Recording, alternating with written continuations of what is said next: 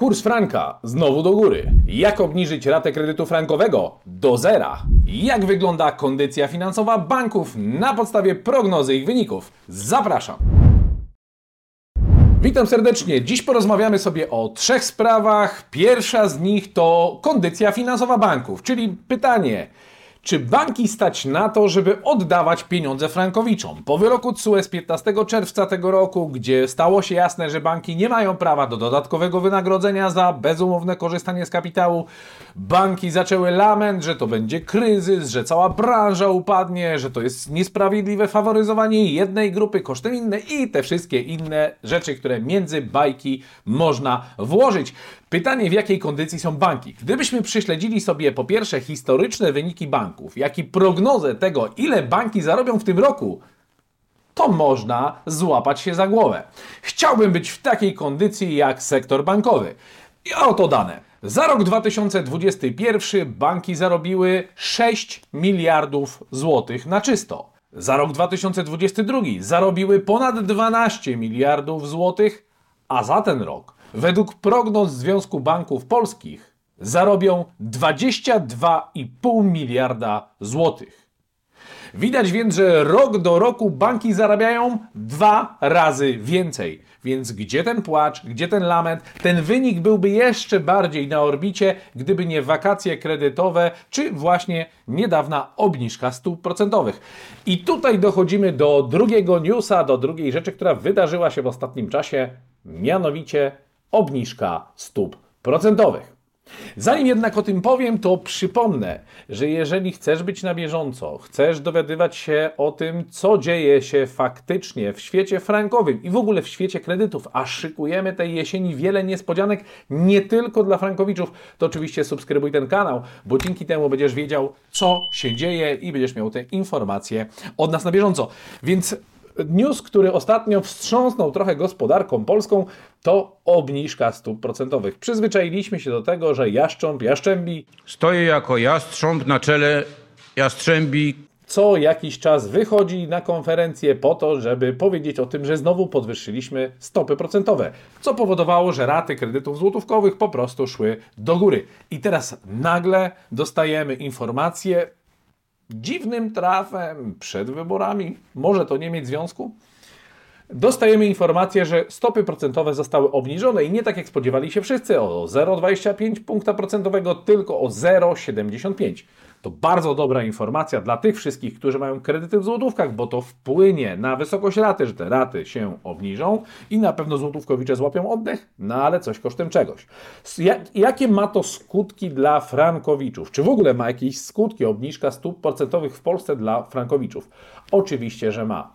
W związku z tym, że żyjemy w pewnej pewnej sytuacji, w tak pewnym otoczeniu ekonomicznym, no to jeżeli kraj taki jak Polska nie tak dawno miał prawie 20% inflację, a teraz nagle, mimo że ta inflacja ona przestała tak szybko rosnąć, co nie znaczy, że ona w jakiś drastyczny sposób zmalała, czy że teraz już te ceny nie rosną tak szybko, to jeżeli w takim otoczeniu ten, ten Narodowy Bank Polski czy Rada Polityki Pieniężnej decyduje się obniżyć stopy procentowe, to jest to zła informacja dla inwestorów, ponieważ złotówka po prostu słabnie.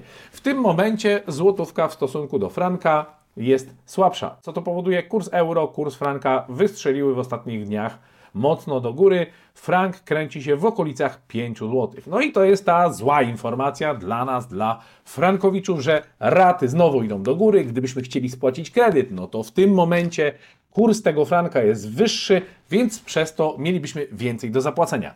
Ale tu przechodzimy do trzeciego miejsca, trzeciego punktu naszego dzisiejszego odcinka, czyli co z tym można zrobić? Na całe szczęście, i moi drodzy, to jest kwintesencja wyroku TSUE z 15 czerwca tego roku i już mamy za sobą lipiec, sierpień, wrzesień, mamy praktycznie 3 miesiące stosowania tego wyroku przez polskie sądy. Co możemy powiedzieć?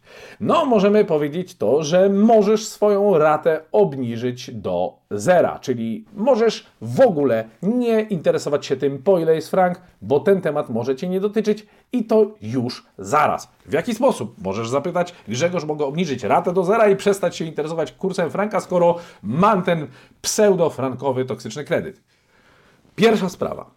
w momencie, kiedy pozwiesz bank, można wystąpić o, z wnioskiem o zabezpieczenie roszczenia w związku z tym, że umowa zawiera prawdopodobnie nieuczciwe zapisy, o zabezpieczenie takiego roszczenia i sądy do takich zabezpieczeń się przychylają, dużo szybciej je wydają niż w przeszłości i na przykład my u nas w grupie kapitałowej Wotum do każdego jednego pozwu, który składamy, wysyłamy taki wniosek o zabezpieczenie i co to oznacza?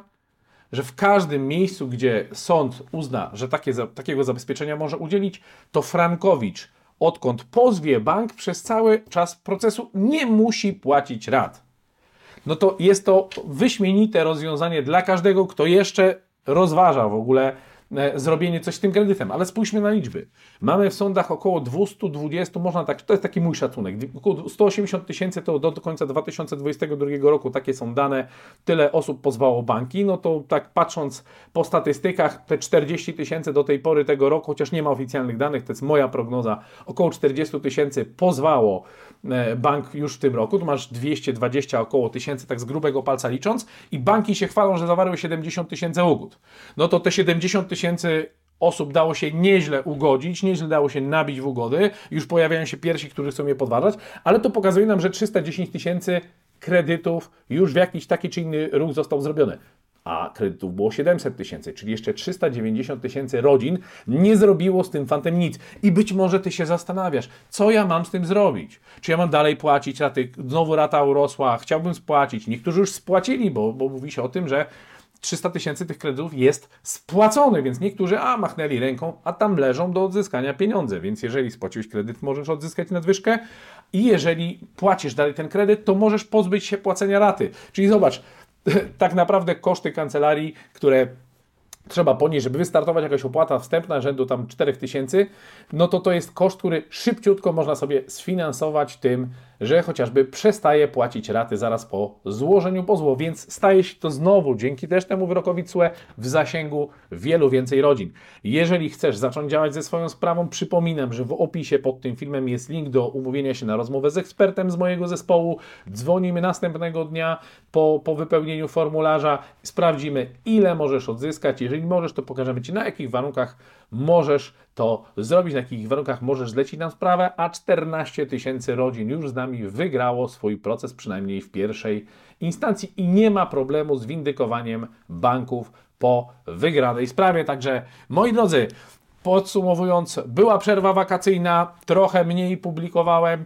Teraz wracamy do regularnych publikacji po to, żebyście mogli być na bieżąco, więc jeżeli jeszcze nie subskrybujesz, to kliknij subskrybuj, napisz jakikolwiek komentarz, napisz co myślisz o tych newsach, żeby te algorytmy YouTube'a poniosły to do innych widzów i widzimy się w kolejnym odcinku. Dziękuję bardzo, Grzegorz Celeban.